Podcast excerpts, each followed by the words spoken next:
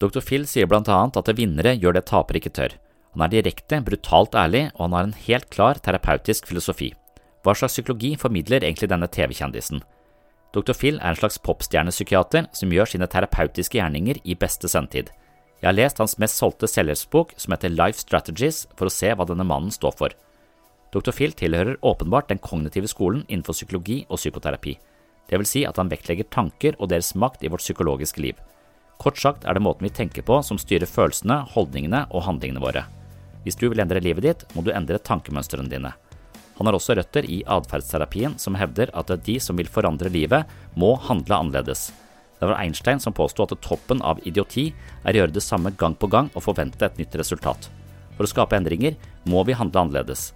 Ellers ender vi opp i en situasjon hvor vi vet hva vi gjør feil, uten å ta konsekvensen av det. Du kan høre mer om mitt dypdykk i filiansk psykologi i episode 78 på sinnssyn.